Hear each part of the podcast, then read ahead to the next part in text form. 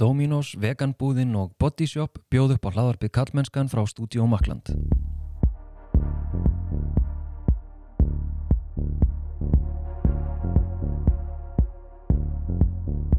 Ég heiti Þorsteinn Mafeinarsson og sé einnig um samfélagsmiðlinn Kallmennskan á Instagram og Facebook og kallmennskan.is þar sem byrtast óreglulega pistlar og greinar, til dæmis mögulega upp úr þessum þætti.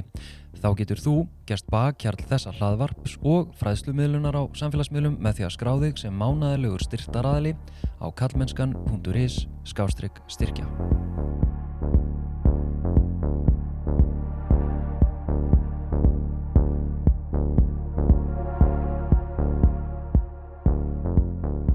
Það eru rúmlega 60 einstaklingar sem greiða frá 990 krónum á mánuði til að tryggja að þetta hlaðvarp sé opið og aðgengilegt öllum áhuga sömum og stuðla auk þess að frekari fræðslupóstum á samfélagsmiðlum kallmennskunar. Sum vilja njóta nafnblindar en í dag langar mig til að þakka nokkrum af þeim sem gáfi leifi fyrir nafnbyrtingu.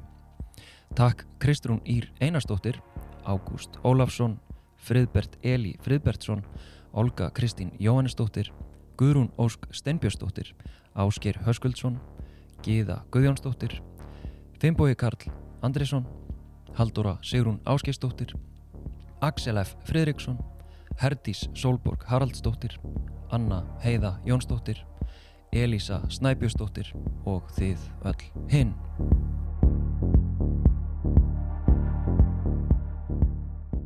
Auður Magdís Auðardóttir er nýdoktor við mentavistasvið Háskóla Íslands. Doktors rannsókn hennar fjallaðum stjættaskiptingu í tengslu við foreldrahlutverkið og hvernig gott og hæft foreldri er skilgrind með áherslu á kynjun.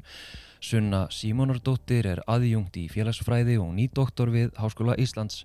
Sunna rannsakaði doktorsverkefni sínu orðræður um móður hlutverkið sem hún sett í samengi við foreldra menningu, mæðrun og feðrun. Við ætlum að ræða stjættaskiptingu og markaðsvæðingu í tengslum við foreldra hlutverkið í dag og til mín eru mættar eh, Sunna og auður Magdís velkomnar. Takk fyrir. Takk. Hérna snerti fluturinn við ykkar eh, rannsóknir, já, já hver er, hver er snerti fluturinn, hvað saminar ykkur?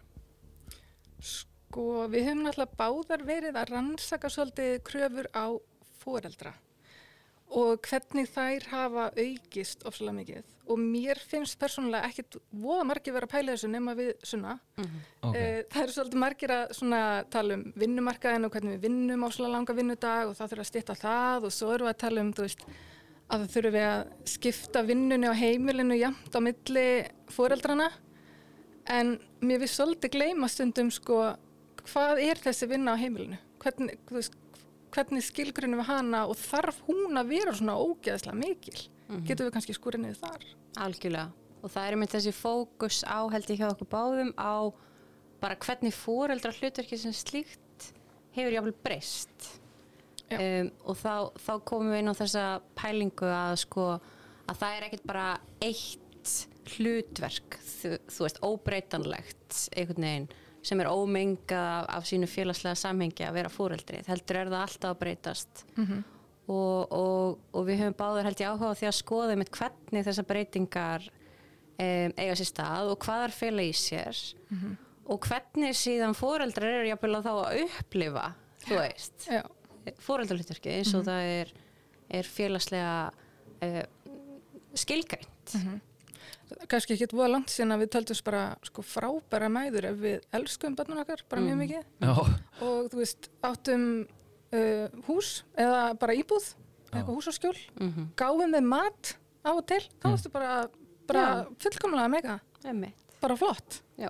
og svo er þetta aðeins búið að breytast núna aðeins, já ok, förum bara inn í það, ég meina uh, hvað hefur breyst og, og, og hvenar fór þetta að breytast? Sko, hvað hefur breyst? Það er eiginlega kannski fljóðlega að segja bara hvað hefur ekki breyst í raun og veru, sko, vegna þess að þarna kröfunar eru náttúrulega orðnar ansi viðameklar og það er lúta að í raun og veru bara svona öllu sem við kemur já, bara svona uppeldi aðbúnaði og umönnun barnsins og liggum við sko frá því áður en að það getið, mm -hmm. skilur konur eiga einhvern veginn að að þið veit að svona bara umturna kannski sínu lífi algjörlega til þess að koma til móts við það sem hefur verið skilgreint sem svona kröfur og þarfir barna. Mm -hmm. og þarna er náttúrulega líka svona ákveðnum hagsmunum stilt upp, vil á móti hver öðrum, þú veist, að, að þarna kröfur og þarfir barna náttúrulega augljóslega tromba alltaf kröfur og, og þarfir mæðra, skiljið, þannig að þarna, og þetta lítur að öllu mögulegu, þú veist, bara hvað þú gefur barninu að borða, þú veist, brjóstakjöf, uh, þú veist, allt nám og svona örfun Einmitt. allt í að náttu bara að vera að örfa batnið þitt bara allan sólaringin Mhm. í einhverju, einhverju námslegum tilgangi sko. og ég hef líka verið aðeins svona að rannsaka snertifleti þessa við sko stjættaskiptingu Mhm. af því að svona rannsóknir erlendis frá og mínar eigin rannsóknir líka hér á landi svona tengja þessa ofsalega auknu pressu og auknu vinnu við það að millistjættamæður og efristjættamæður þær verða svo stressaðar um leið og er eignast barn yfir því að barnið kannski verði ekki í milli eða efristjætt að það hafi ekki sömu hæfni eða sömu þekkingu eða eigi ekki réttu vinina til að halda stjættastöðinni. Þær þurfa að sjá til þess að stjættastað þeirra erfist til barnsins og þú getur alveg erft það af peningum, ekkert mál, en hvernig ætlar að erfa það af veist, þekkingunni sem að við höldum að þú þurfir til að komast áfram á einstaklingsbasis í samfélaginu og bara meika það og verða successful. Þannig að þetta er líka svona grunnurinn að þessu er að hluta til líka í því að við óttumst við sem erum í milluafri stjætt óttumst það að börnun okkar upplifi stjættafall og verði ekki í milluafri stjætt. Og, og er þetta sko er þetta svona meðvitað? Því þú tala svona eins og þetta sé veist, Já, nei, nei, þetta er ekki meðvitað. Nei, það, en, en sko ég held samt að þú myndir spyrja hvaða milli öðristjættamóður sem er, hvort hún sé kvíðin fyrir framtíð batsins, kannski ekki með eitthvað klíniskan kvíða, en svona sé stressuð Stressuð. yfir því að hún sé að gera rétta valið og rétta matinn og réttu vinnin og réttu skólinn og réttu tómstundunar og eitthvað svona, þá myndar öruglega eiginlega alla segja já. En svo að þú spyrir sko nákvæmlega fyrir hverju ertu stressuð, þú veist, þá er það ekkert að fara að segja já, að badn mitt endi í lástjætt, þú veist, þetta er ekki alveg þannig, þú veist, en það svona almennt rannsóknir sem benda til þess að það sé rauninu undirlegjandi kvíðin og þú sést að reyna að aðgreina þig og þitt uppeldi og þitt bat frá lagri stjættum. okay, og er það tengist það þá sem ofurkurfum á mæðurum uh, ja, já, í mæðruninni Já, algjörlega vegna þess að við vitum það bara að það eru gerðar allt aðra kröfur á mæður heldur en til að mynda, þú veist, feður, við erum að tala um svona, þú veist, sískinja eh, sambönd. Þannig að þarna, og konur og mæður upplifa miklu meiri pressu heldur en feður, svona almennt séð, um einmitt þetta, um þessa fullkomnun sem er einhvern veginn búið að búa til. Hvað er fullkomnun? þú veist að batni sé mitt í þú veist þremur mismunandi tómstundum og það sé alltaf verið að örfa það það borði bara þú veist lífrænan heima tilbúin mat og þú veist og það er fullt af vinum en eh, skilur og bara þú, þú veist og það er alltaf verið að bæta í þannig ég held að þarna að þessar kröfur á móðurina eru eru einhvern veginn svona burðarstóðin í því sem að hefur verið kallað svona áköf mæðurinn sem ég hef talað um áður og, og er í raun og veru svona þessi uh, það, það er verið að skilgrina þar þetta sem við kannski auðvitað erum að tala um veist þessi svona þessi, þessi nýja tegunda móðurhlutverki þar sem að þú ert bara í svona mjög ákafri vinnu allan sólaringin liggur við að svona besta barnið þitt skiljið já, og það er einhvern veginn, sko, svo setur samfélagið þessa típu af mæðrun eða af því að vera fóreldri upp sem hina réttu og verðugu típu. Já. sem að gera það svo verkum að konur sem að ekki hafa bara aðstæður til að stunda þessa tegunda maðurinn bara hafa ekki tíman eða peninguna, peningana eða þú veist innan gæðslega bara réttu þekkinguna til að gera þetta svona að þá er litið á þær sem feiljur meðan að sko að það eru alls konar rannsóknir sem sína það að svona uh, verkalýðs aðferð við uppeldi sem er svona meira bara að lifa í núinu og þú veist gera þennan dag frábæran og einhvern veginn í staðin fyrir að vera alltaf að örfa batni fyrir einhverja óljása framtíð að sko hinn þessi verkalýðs aðferð er ekkert eitthvað verri er að fara að skila eitthvað verri geðilsu eða eitthvað, þú veist, þetta, það er bara frábært líka að geta, þú veist, lifa í núinu og vera bara með pizza pockets í næsti, sko, eða eitthvað, þú veist, það er bara, algjörlega bara dásamlegt, sko, en við lítum algjörlega niður á það, eins og það sé bara einhvern veginn Já. ekki verðugar mæður þá Já. sem eru þar einmitt sem og, að skapar þá kvíða á hjá þeim algjörlega. og við tengjum það ósjálfrátt bara ef þið út í þá tengjum það líka við eitthvað svona, einmitt svona lást, það kemur eitthvað svona lástjættar merki með satt á þá sem að ástunda ekki þessa svona þessa svona ykkur ímynd um, um hvað er hinn góða og rétta uppeldisaðferð eða mæðurinn eða annað.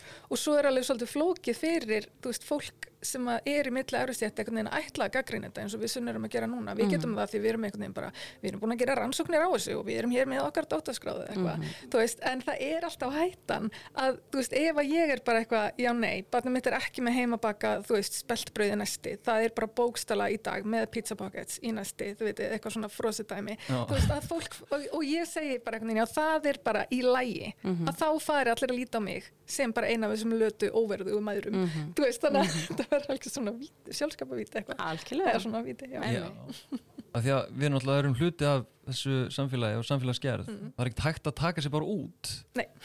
og, hérna, og spila einhvern annan leik. Mm. af því við erum dæmd eftir þessum leikreglum allt í kring. Já, já. alltaf sama og ég er að díla við verandi kallmaður í feminisma og jafnbreytsmálum sko, þetta, er, þetta er snúið einhvern veginn. En hérna, en síðan aftur mér langar aðeins að heimsækja aftur sko stjætta skiptinguna í þessu. Uh, af því ég heit þig auður sko tala um uh, að- stjættir stjættaskipting ekki, snýst ekki bara um peninga. Heldur eitthvað meira. Viltu aðeins svona létt útskýra fyrir mér Já. hvar var þegar við tölum um stjættaskiptingu Sko, uh, ég er að nota svona mótil frá Bourdieu sem að hann hafi sitt mótil í Fraklandi fyrir lengur síðan en þá erum við í raunin að hugsa stjætt ekki engung út frá peningum af því það er bara peningaskipta ofsa miklu máli og eru klárlega einn mikilvægur þáttur í stjættamyndun en þi- sérstaklega þegar við erum að hugsa um uppeldi og svona vinnu sem fer fram á heimilum þá dugar ekki að skoða bara peninga. Heldur þurfum við líka að skoða sko hvaða e, menning hvaða svona menningar e, tengda sko stjætt eins og hvaða þekkingu þú hefur kanntu að borða humarrétt eða þú veist eitthvað svona, eitthvað svona þekking sem er ofsa bundin stjættum ert að lesa þú veist íslenskar kjarnistar barnabækur fyrir barnið eða ert að lesa eitthvað úr þú veist, einhverjum bókaklúpum sem ég kann ekki að nefna sem er eitthvað svona þýtt og ekki á frábæri íslensku, eitthvað, einhver svona lí,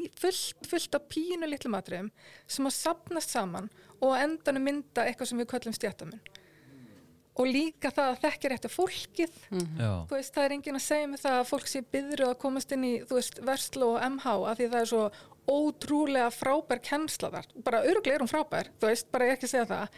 En þú veist, þetta snýst alveg klárlega líka um það að þú ert þá með rétta fólkinu í mentaskóla sem að mun hafa völd í þessu samfélagi eftir 10-20 ár. Og fólk er ekki kannski hugsað þannig meðvitað en það er klárlega að spila inn í þetta. Þú veist og ég finn það bara sjálf verandi í MH ég bara þekki einhvern annarkvæmt listamann allt í einu. Þú veist og því vorum alls saman í MH veist og það gefur ákveðin völd líka og skapar ákveðin stjættamun að þekkja rétta fólki eða þekkja ekki rétta fólki svona í stuttumáli þannig að já, það er miklu skemmtilega að hugsa stjætt svona.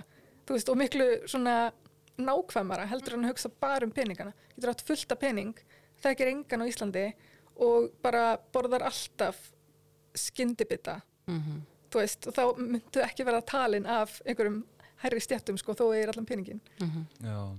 Já, Ég, veist, ég hef svona útráð þessum, þú veist, ég var aðeins lesið svona um þetta með, með stjætta hérna, umræðan og svona og reyndi einhvern veginn að staðsetja mig og svona fólki í kringum mig og líka bara veldi fyrir mér hvaða máli sem sagt, skiptir stjættin hvað, í rauninni, hvaða forréttindi veitir það mér að vera í þeirri stöðu sem ég er í og, og hvað þýðir það, þýðir það að ég er í, í lægri miðstjætt eða efri miðstjætt, æskilur bara hvað hvað, hvað, segja, hvað gerir útslæði með, með stjætta semst, hvar við föllum í stjættinni er það tengslin? Er það peningarnir? Það er sambland það er allt þetta bara, já, já, það er sambland af þessu. Og það fer líka kannski svolítið eftir í hvað kreðsum þú ert, þú veist, ef þú ert listamaður, þá fer kannski þá þarftu að kunna réttalingóið og réttu menninguna og, og, og hérna, þekkir rétta fólkið. Og kannski skiptir ekki öllu máli að eigi pening. Þú veist, kannski bara pínu vandralegt að það kemur allt inn í ljós og óttur ókslega mikið pening. Þú veist, að því það er ekki inn í svona menningar elitu hýrarkíunum endilega, sko, og svo öfugt í einhverjum öðrum hópum já, og svo er líka kannski svolítið áhört að hugsa um þetta sem mögulegs konar svona róf, ég veit það ekki af því að þú veist að því að sko, svo er líka svona stjættar hreyfanleiki, þú veist, hreyfanleiki á milli stjætta og innan stjætta og, og þá finnst mér kannski pingu gaglegt að hugsa líka bara um sjónarhorn, þú veist, eins og við höfum gert svo mikið kynjafræðina að þú veist, tala út frá bara, þú veist, nú er ég að tala út frá mínu sjónarhorni, hver er ég, þú veist. Að, að þú veist, ég meina eins og ég kemur verkamannastjætt, þú veist, fóreldrar mín er ómentuð og, og, og þú veist.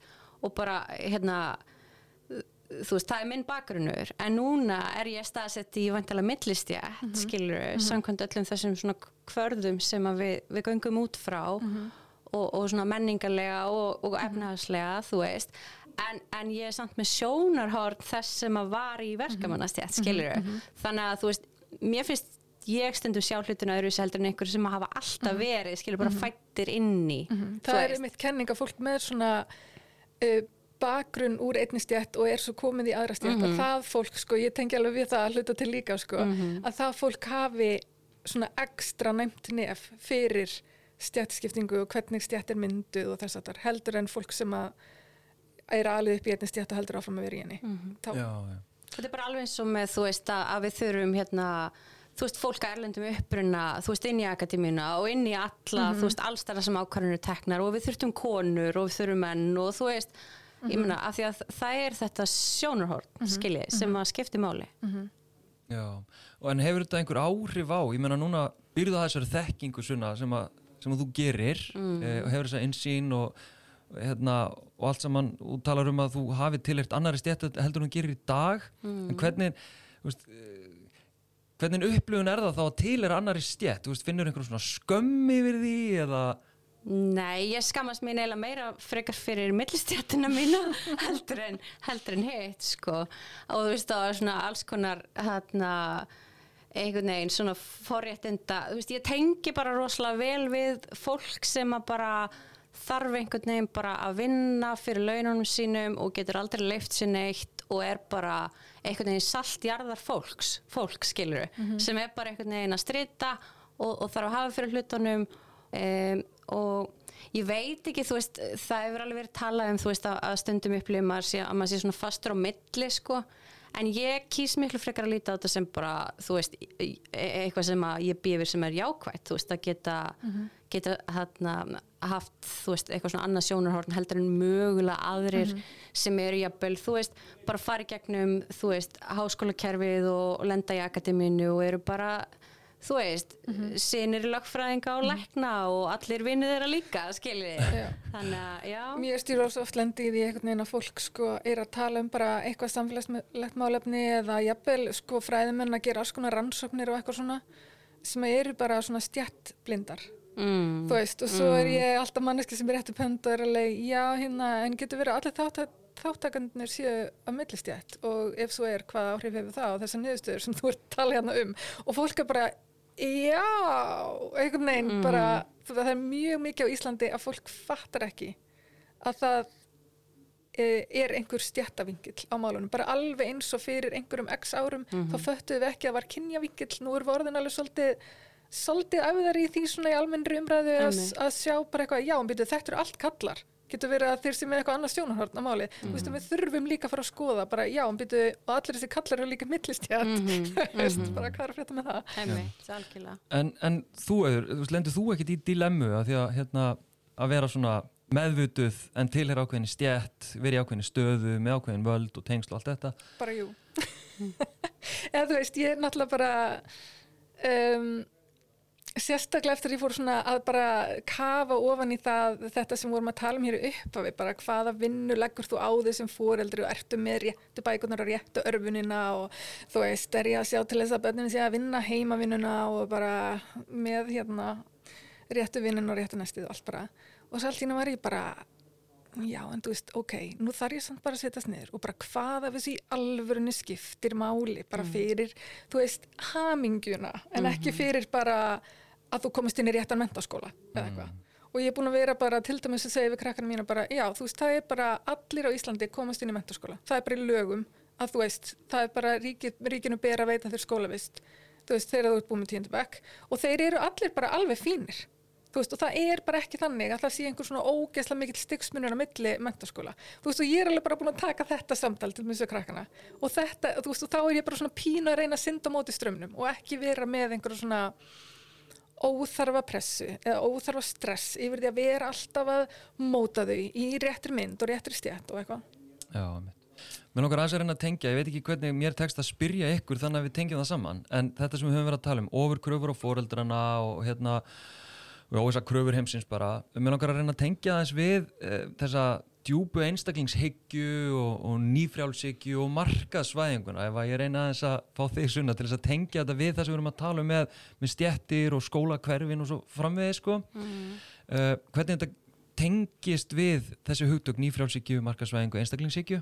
Já, sko, ég held náttúrulega auður getur örgulega svarað þessu miklu betur með skólakverfin og allt það, en ég held að varðandi svona einstaklingshyggju og þá er þetta náttúrulega bara svona opbósla skýr byrtingamind algjörar einstaklingshyggju það er að segja að það er bara þú veist, eitt para fóreldrum eða ein móðir sem skapar einhvað barn, skiluru mm -hmm. og býr til úr þessu barni þú veist, einhvern veginn svona hinn fullkona borgara sem nær öllum sínum takmörkum og er alltaf hamingjusamur og líður alltaf vel og, mm -hmm. og, og getur gert allt sem að hann eða hún vil, skilur. Mm -hmm. Og er samkjæfnishæfur. Er samkjæfnishæfur, algjörlega, já, einmitt. Og það er náttúrulega, þú veist, og þá er algjörlega hort fram hjá náttúrulega öllum þessum félagslegu kerfum og þú veist, breytum sem við vitum að, að hafa gríðarlega áhrif þú veist bara efnahagsstaða, foreldra þú veist og, mm.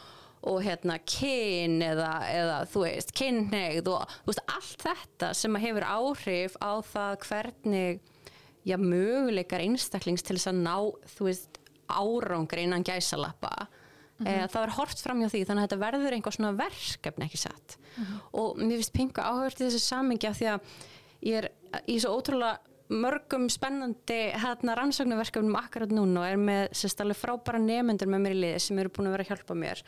Og það er eitt svona yfirstandandi verkefni þar sem við erum sérstaklega að taka viðtöl við ungt fólk um viðþórð þeirra til badnegna og þetta er sérstaklega ungt fólk sem á ekki börn. Og, og hérna samstarfskona mín Hlétis er sérstaklega búin að vera að taka viðtöl. Og það sem er að koma rosalega stert út af þessum viðtölum við þetta unga fólk er opbúslegur kvíði gagvart fóröldarhlutverkinu að eitthvað nefn bara svona guð á ég að þóra þetta? Af því að þú veist, og þetta eru mest konur sem hafa verið að koma í viðtöl þannig að þú veist, ég tala svolítið út frá því að bara svona, þú veist treyst ég mér í þetta projekt mm. af því að um leið og þú veist, öll einhvern veginn þessi ábyrð sett á eina mannesku eða í mestarlagi tvær sem þetta er svona projekt að búa til samkefnishæft barn, skiljiði að þarna þá er þetta náttúrulega óbúslega mikil ábyrð sem er sett á herðar einnamannisku og, og, og þessar konur sem hafa verið að koma við til okkur eru bara, þú veist, þú veist er ég nógu góð, þú veist get ég þetta eða langar mig yfir höfu til þess að leggja þetta allt á mig, veist, þetta verður svo mm -hmm. þetta verður svo yfirþyrmandi mm -hmm. Já, algjörlega, ég bara tek undir þetta sko. og við erum einhvern veginn farin að líta á bara einstaklingshyggjan gera það verkum að við erum alltaf að í staðan fyrir að líta á okkur sem uh, heild, eða hluti af einhverju heildi, af einhverju mengi og, okkur, og þá erum við farin að líta okkur alltaf og börnin okkar sem bara einhvers konar frí fljótandi einstaklinga og okkar hlutverk eins og sem það var að segja er bara að, að besta bæði okkur sjálf og börnin okkar sem samkjapnis hæfasta uh, atvinnu hérna, fyrir atvinnumarkaðin sko, samkjapnis hæfasta einstaklingin sem að fer út og skapar peninga í staðan fyrir einhvern veginn að reyna að ítundir einhvers konar samkend og samfélagslega ábyrð og líta á uppeldi bafna sem sko um, sameigilegt hlutverk okkar sem, mm. sem samfélags mm. þá, og þá kemur þessi ofsalega pressa þegar við lítum á þetta allt sem, sem einstaklingsverkefni Já, og má ég bæta aðeins við bara af því að líka sko að, að þarna þegar öll pressan er sett á einstaklingin að þá líka er pressan tekin af kerfunum mm -hmm. sem eiga að styðja við mm -hmm. þetta allt saman og, og er og veru fórsenda þess að þetta veist geti bara hefnast og þannig er ég að tala um veist, allt skólakerfið og þið veitir leikskólanir og, og ég meina allt sem að, allt sem að veist aðstóðar foreldra í raun og veru við veist að mm -hmm. koma, koma barni á legg þannig ef að öll pressan og all, allir fókusin er á einstaklingana, fóreldrana að þá einhvern veginn komast bara kerfinpingu upp með bara hvað sem er af því hver er þá þeirra ábyrð þú Við veist, sáum náttúrulega svona íkt útgafa þess í bandaríkjum sem er ekki einu svona fæðingarólofa því þetta var bara þín ábyrð eignast þetta barn og þú skalt bara redda þér. Já. Þú veist, við erum auðvitað ekki þar á Íslandi en við mættum samt alveg, þú veist, líta aðeins í einn barm og skoða, þú veist, erum við sem samfélagi að styðja nógu vel við þetta flókna hlutverk, sko. Já, ég hérna, bara í svona léttu googli hérna árun ég hitt ykkur, þá rakst ég á hérna grein eða frétt uh, frá 2003 þar sem að er haft eftir Þorbyrni Guðmundsinni, formanni velferðarnemndar ASI sem að segir að stjættaskipting sé farin að byrtast í skólum. Og það sem ASI er farið að hafa ágjör af stjættaskiptingun í skólanum. Ég hafði aldrei heyrt umræðum stjættaskiptingu í, í grunnskólanum. Fyrir í rauninni bara ég heyrði þér auður tala um þetta. Hérna, ég meina hvernig tengist þá þessi, þessi umræð sem við höfum átt hér við skólaval og skólakverfin og, og hérna Sko, við erum að sjá það að síðslegin 20 ára þá hafa sett hverfin innan höfuborgarsvæðisins orðið einsleitari með tillit til stjættar. Þannig sumum hverfum eru e, nánast engir úr millistjættum eða efri stjættum og þarna, er ég að tala um stjætt ekki bara með peninga, heldur líka á hvað var það mentun mm, og í öðrum hverfum er hérna nánast engin úr, úr verkalýstjætt eða nánast engin sem er bara með grunnskólaprófi eitthvað þess að það er og þessi munur er búin að aukast alveg ofsalega mikið á bara á 20 árum. Hann var alveg til staðar en hann var miklu meiri núna. Um, og þá sko já það er náttúrulega nokkri punkti sem að tala um varandi þetta sko. Til dæmis skólar þegar þeir verða svona einslitir í hvora áttina sem það er þá missa skólarnir svolítið tækifæri til að kenna börnunum að lifa og starfa í líðræðs samfélagi. Ef allir eru bara eins og þú í skólanum, þá öðlast ekki hæfnina til að skilja, já, það er ekki allir eins og ég. Sumir eru erlendum uppruna og sumir eiga ekki, þú veist, þrjá jeppa heima hjá sér og eitthvað. Og, og svo er þetta akkurat krakkarnir í þessum hverfum sem að fara svo og fá völd í samfélaginu og verða stjórnmálamennir okkar og allt þetta eftir 20-30 ár. Og þá eru þau alveg upp í skólakörfum þar sem þessi einsleitni er í gangi. Og þegar þessi einsleitni er komin ákveðsti og þetta verður svona eins og snjóbolti sem vindur utan á sig því að allt í henni fyrir millistjættin að frétta að einhver hverfi er ekki með neina millistjætt þá ert þú klárlega ekki að fara að ala barnið þitt upp þar. Því að þá kynnast það ekki réttu krökkunum og þú veist, og öðlast ekki völdin sem að við viljum að barnið sem samkeppnishæfi einstaklingurinn hafi. Og þá verður uh, hérna svona flóttum bæði forðun að millistjættin fyrir ekki inn í hverfin og svo, millistjætt sem er erðar fyrir burtu. Þannig að þegar við erum alltaf bara eitthvað já, útlendingar velja bara að búa í einhverjum útlendingakörfum það er ekki síst út af því að Íslendingarna flutti í burtu. Það er ekki bara það að útlendingarnir fóðangar skilji, það er líka hérna, Íslendingarnir og mill, mentaði millistjættin fór. Um, þannig að já, þetta er klárlega afleiðing af svona bara markas hugsun í uppeldi. Að þú ert alltaf að að, að besta barnið og tryggja að það fái völd í samfélaginu þó að það sé ekki meðvitað. Þú veist en það er þannig samt sko. Að hérna og svo sína rannsóknir erlendis frá þegar þetta er gengið ákveðið langt að þá er svona ákveðin partur af svona samfélagslega meðvitaðri millistjætt sem tekur sér saman stundum og ferst þá saman svona svolítið hópur af foreldrum og segir bara nei, nú ætlum við bara að flytja í þetta hverfi og við ætlum bara að fara þarna þú veist, og bara vinna á móti þessari þróun. Þannig að það er alveg líka áhugavert hvort að það gerist einhvern tíman á Íslandi, ég veit ekki. Já, já, mér langar aðeins að kasta hérna á því svona sko þannig eru að tala um einhvern veginn fóreldrar að- virðast vera að reyna að gera sitt besta og virðast einhvern veginn vera að velja rétt og gera vel fyrir börnin sín og svo frammiðis uh, vorum að að tala um ofurkröfurnar og allt þetta. En, en er þetta ekki gott, eða þú veist er ekkert af þessu gott þar sem við erum búin að hérna, læra meira, þekk, eh, þekkja betri aðferði við uppeldi, barnan okkar og svo frammiðis er þetta allt saman neikvætt í þessari þróun hvað varðar fóreldrar hlutverkið, mæðurinn, feðurinn og svo frammiðis Alveg öruglega ekki. Ég meina, ég held að þú veist, allar rannsóknir sína þú veist, að, að foreldrar að eigða miklu meiri tíma með börnunum sín núna heldur nokkur sinna áður. Og þetta kemur venilega fólki á óvart af því að það heldur, ó, en nú erum við að vinna svo mikið og þú veist, og það er svo mikið að gera í félagslífi hjá foreldrum og allir eru í rektinu og allt þetta og þú veist, það er verið að vannrækja börnin. En allar rannsóknir sína að við séum að eigða meiri tíma núna með börnunum okkar heldur en áður. Og þú veist, það sem er náttúrulega jákvæmt líka er að það er að, að búið að opnast meira á náttúrulega svona aktíft lifandi hlutverk feðra, þú veist sem er gríðarlega jákvæmt og, og náttúrulega bara svona bylting þegar kemur að fjölskyldumálum. Um, þannig að þú veist ég myndi bara persónulega kannski vilja sjá það bara fara hreinlega lengra. Þú veist þannig að það, það væri svona raunverulegt jafnrétt inn inn á heimilum þegar kemur að umönnun og umönnunar byrði um, ég held hins vegar að það sé ákveðin einföldin að segja að við séum alltaf að vita meira og þess vegna séum alltaf að gera betur. Af því að ég held að það sé ekkit endilega alltaf þú veist e- ekkert endilega alltaf lausnin að, að þú veist einhverjar nýjar sálfræðikenningar kenn okkur að verða betri fóreldrar ég held að þetta sé svona pingu, komur að segja instinkt, instinktivt hjá flestum fóreldrum þau vilja börnunum sínum alltaf besta þau elska börnin sín þau vilja vera með börnunum sínum um, og svona allt annað sem við erum að smyrja ofan á er pingu svona að ég veit það ekki, þú veist kannski einhver ónauðsynleg sulta sem að þjónar einhverjum sérstökum tilgangi ef að við uppfyllum þú veist þessar þarfir sko. Já, algjörlega. Og það væri kannski líka bara svolítið gaglegt fyrir okkur sem samfélag að skoða sko markvist það sem við erum að gera. Á hvaða forsendum er það? Er það á forsendum barnsins og forsendum bara þess að það alist upp sem heilstiftur einstaklingur sem er hafmyggisamur og skilur að, að, að hann býr í samfélagi manna eða er það sem við erum að gera alltaf að þjóna einhvern veginn tilgangi skólakerfisins eða atvinnulífsins? Þú veist og fara sko skoða það sem við teljum vera gott uppeldi. Af hverju er það gott? Er það gott af því að þá kemst inn í Vestló?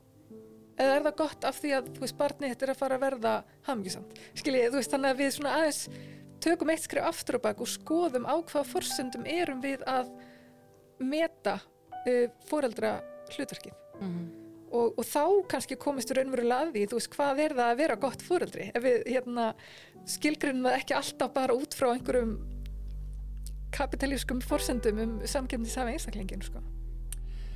Auður Magdís Auðardóttir og Sunna Símonardóttir, takk hjá fyrir spjallið. Takk sem leiðis.